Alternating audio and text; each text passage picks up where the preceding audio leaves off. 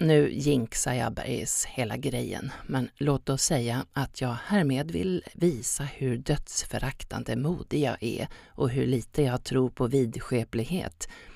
Dessutom kan jag ju skylla på denna min försyndelse om jag inte får jobbet, vilket jag inte räknar med, rent rationellt, sannolikhetsmässigt. Det kan mycket väl vara så att det redan finns någon redan anställd som är påtänkt, men att de måste annonsera. Det kan också vara så att någon med yrkeserfarenhet som operainspicient faktiskt söker. Båda de fallen är okej, giltiga att gå före mig, såvida det inte visar sig bli någon som passar uppenbart sämre. Återigen, det kan tyckas slött att bara läsa upp en grej som redan skrivits för ett helt annat syfte, men återigen säger detta så mycket om varför just denna platsannons fick mig att faktiskt söka en fast anställning. Sista ansökningsdatum är först i övermorgon, söndag. Och sen tar det väl ytterligare några dagar innan de grovsållat Usch, jag vet inte ens om jag vågar hoppas att kallas på intervju. Men det borde jag. Här följer mitt ansökningsbrev. Göteborgsoperans nya inspicient. Ingen annan potentiell anställning hade fått mig att ens överväga att lämna min oerhört behagliga frilanstillvaro. Men inspicient på Operan har alltid legat vilande i bakhuvudet som ett drömjobb. När jag började som påklädare på Stockholmsoperan 1984, där min mamma hade börjat året innan, också som påklädare, sa hon till mig att jag skulle passa som inspicient. Laszlo, skärmknutten i inspicienthytten där i Stockholm, tycktes ha en så avundsvärd roll det var han som visste allt och hade ett eget bås där man på sin höjd vågade sticka in huvudet. Det liknade en cockpit med alla knappar, lampor, reglage och skärmar. Han hade auktoritet, var spindeln i nätet och hade koll på allt men var ändå social och tjenis, någon man slängde käft med. Jag hade en herrkörloge under flera år. Sedan var jag på herrsoli, men jobbade även på ballett och damsoli. När Béjar-balletten kom på gästspel var det jag som pratade bäst franska och fick rusa mellan våningarna för att översätta.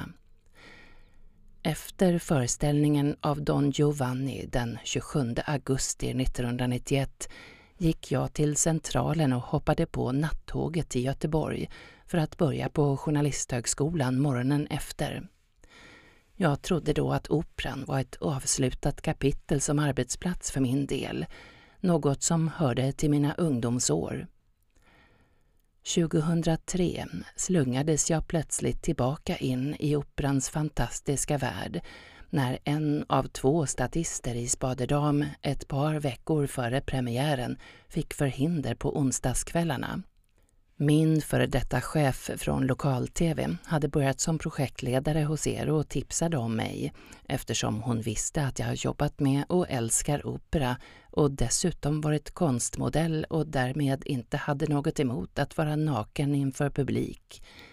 Jag kastades direkt in i genrepet och det var som en smocka i mellangärdet. Rent av början på en livskris där journalistiken, som jag trott var mitt drömyrke, tedde sig som dödens väntrum i jämförelse med operans passionerade värld.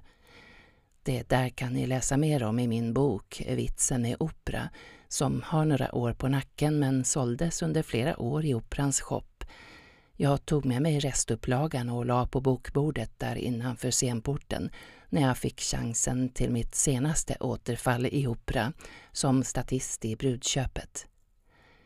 Efter Spade Dam var jag statist i Rigoletto 2004-2005 och barnpassare i Boris Godunov och Turandot 2005-2006 jag skrev för GO-journalen som den hette då och om operan även för andra tidningar och tidskrifter. Den enda punkt på era listor över önskade kvalifikationer och egenskaper jag inte omedelbart tyckte mig kunna bocka av är den om arbetsledning. Jag har aldrig varit anställd som uttalad chef men har haft åtskilliga mer informella arbetsledande roller. I början av min journalistkarriär jobbade jag med TV och då var man fältproducent för inspelningsteamet när man spelade in reportage. Efter några år startade jag och min man ett företag som vi drivit sedan 95 med hans filmproduktion och mitt skrivande som bas. Jag har först och främst fått leda mig själv, en grundläggande egenskap för att kunna leda andra men även planerat, samordnat och arbetslett andra i projekt av vitt skilda slag. Under mina år som frilansjournalist var jag förtroendevald i styrelsen för Frilans Riks, frilansjournalisternas sektion av Journalistförbundet. Mesta delen som kassör, men även ett par år som nordisk koordinator där jag samordnade det nordiska frilansfackliga samarbetet. Sedan jag hoppade av journalistbanan på grund av ständigt sämre villkor, betalning och möjligheter till avsättning har jag varit väldigt nöjd med att försörja mig på mina tidigare extraknäck som inläsare av tal och ljudböcker samt konstmodell på konstskolor och studieförbund. Jag har en egen inläsningsstudio hemma i källaren så det är ett utpräglat ensamjobb med uppdragsgivare på annan ort. Som konstmodell är det oftast, men inte alltid, en lärare med. Jag sitter i styrelsen för konstmodellernas yrkesorganisation, tidigare som ordförande, emellanåt som vanlig ledamot och för närvarande sekreterare. När jag befinner mig i sammanhang med alltför lösa tyglar så kliar det i fingrarna och jag får bita mig i tungan för att inte ta över och styra upp. Jag har tänkt att jag inte är något chefsämne men inser att vad jag har svårt för är otydliga hierarkier där man riskerar att trampa på ömma tår och göra sig ovän.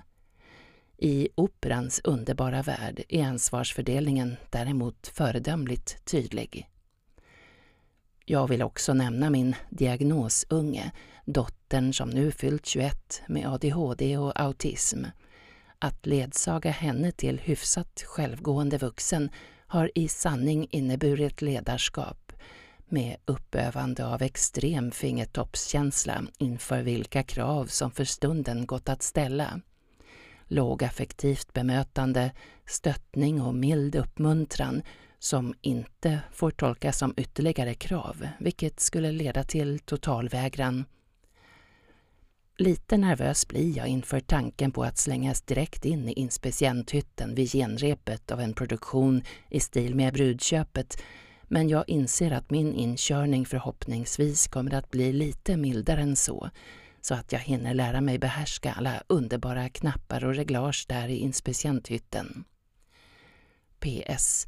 Mitt hjärta tillhör operan, men jag fascineras även av dans, tycker om modern musik och vet att jag kommer att uppskatta även musikal när jag väl jobbar med det.